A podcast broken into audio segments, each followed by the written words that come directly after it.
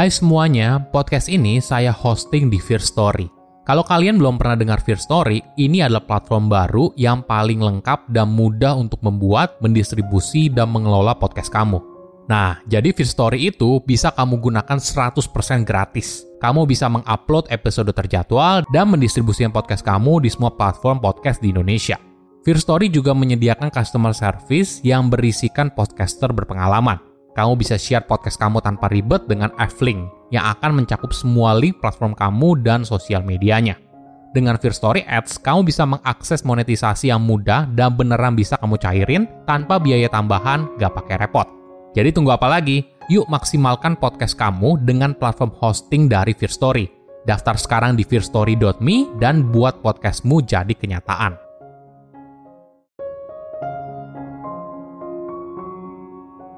Ada pepatah keberuntungan berpihak pada orang yang berani. Keberanian adalah sebuah keahlian seorang untuk berdiri di atas rasa takut, berani melakukan hal yang benar, berani melakukan hal yang harus dilakukan, dan berani melakukan apa yang diyakini.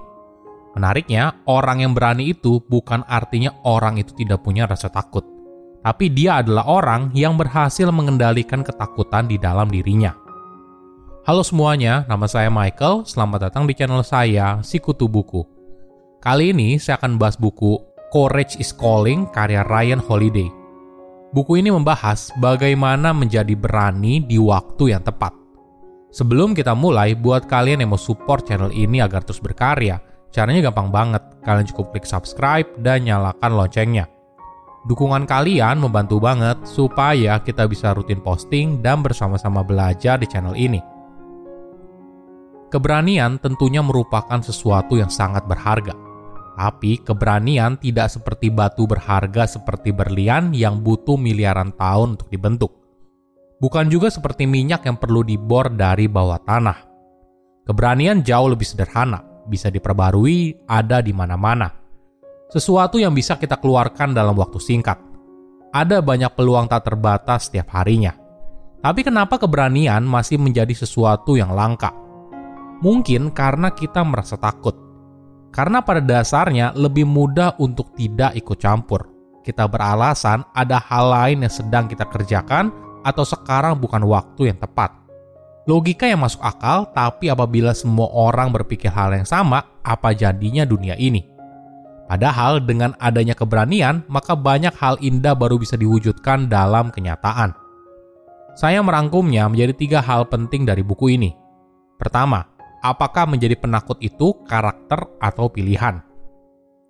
Banyak orang menganggap kalau keberanian itu merupakan karakter seorang, sesuatu yang memang ada dari sananya. Padahal keberanian itu adalah sebuah pilihan yang kita buat sehari-hari. Ada sebuah cerita menarik yang menggambarkan hal ini. Penulis bercerita tentang Hercules yang sedang berada di persimpangan setelah berjalan jauh melingkari gunung di Yunani, di depannya ada dua jalan yang hampir sama. Awalnya, Hercules hanya memilih dari salah satu jalan secara acak. Tapi ketika dirinya berjalan maju, tiba-tiba muncul ada dua dewi.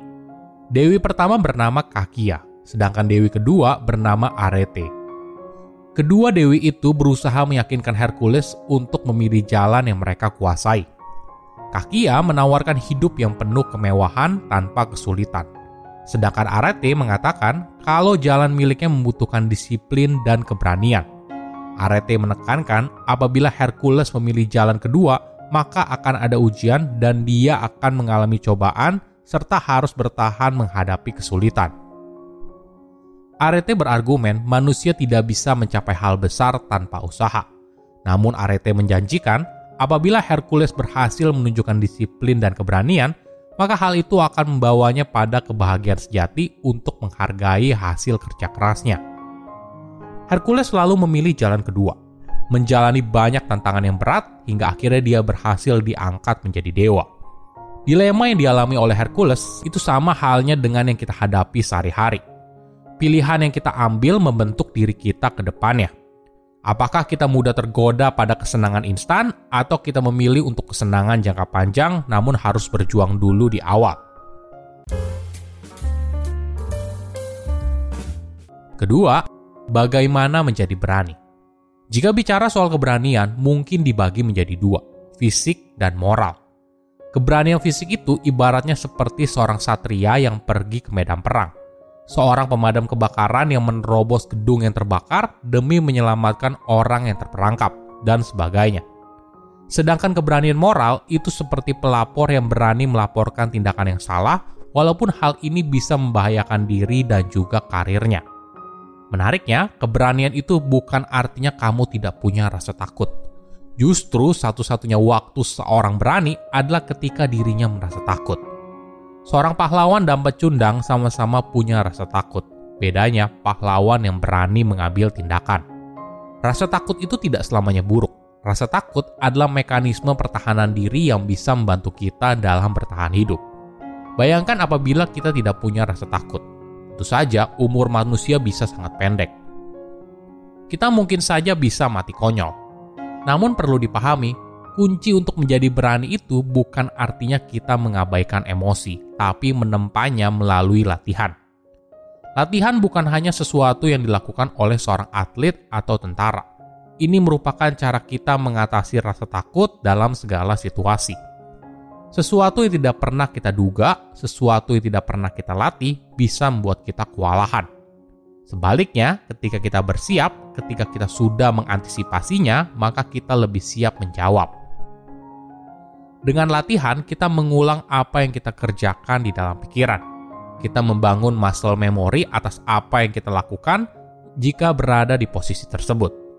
Kita merasa nyaman pada kondisi yang tidak nyaman Mengetahui sesuatu itu memang penting, tapi ketika kamu siap, maka hal ini yang membuatmu jadi berani. Ada ungkapan yang menarik. Setiap orang punya satu momen spesial di mana ada sebuah kesempatan yang bisa mengubah hidupnya selama ini. Alangkah sedihnya apabila ketika momen itu tiba, orang itu tidak siap. Ketiga, tips melawan rasa takut. Bagaimana cara menghadapi rasa takut? Pertama, belajar memahami diri sendiri.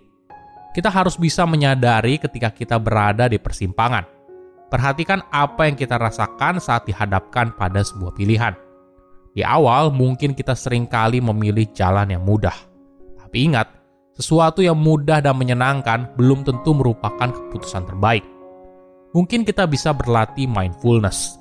Latihan ini akan buat kita jadi bisa mengamati pikiran dari sudut pandang yang lebih luas kita bukanlah pemikir yang sedang berpikir, tapi kita adalah pengamat yang melihat pemandangan dari puncak gunung.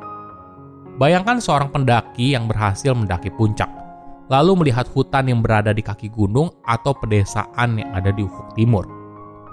Kedua, berlatih visualisasi negatif.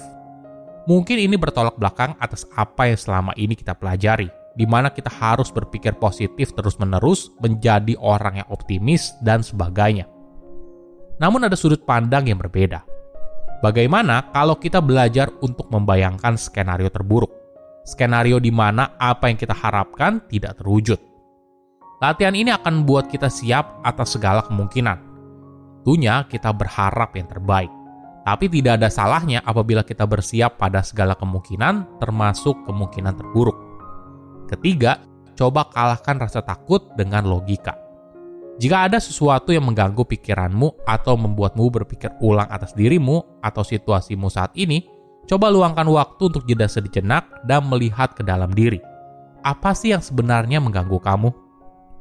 Coba amati dan sadari apa yang sebenarnya membuatmu takut. Mayoritas akar dari ketakutan seorang berasal dari apa yang orang lain pikirkan atau katakan tentang mereka manusia hampir selalu lebih suka terlibat pada sebuah kelompok daripada tampak seperti orang yang dikucilkan. Padahal mungkin saja kelompok ini tidak sesuai dengan dirinya. Tapi bagi kebanyakan orang, ini pilihan yang lebih baik daripada menyendiri. Ini yang harus kita pahami. Jangan biarkan ketakutan mendikte hidupmu. Jangan biarkan orang asing menentukan hidup yang kamu jalani. Kadang masalah yang ada di pikiran itu ternyata tidak sebesar kenyataannya kita perlu keberanian untuk menghadapi ketakutan daripada hanya membayangkannya saja. Ingat, mungkin saja ketika sesuatu terasa begitu sulit, itu merupakan jalan yang tepat. Silahkan komen di kolom komentar pelajaran apa yang kalian dapat ketika baca buku ini. Selain itu, komen juga mau buku apa lagi yang saya review di video berikutnya. Saya undur diri, jangan lupa subscribe channel YouTube Sikutu Buku. Bye bye.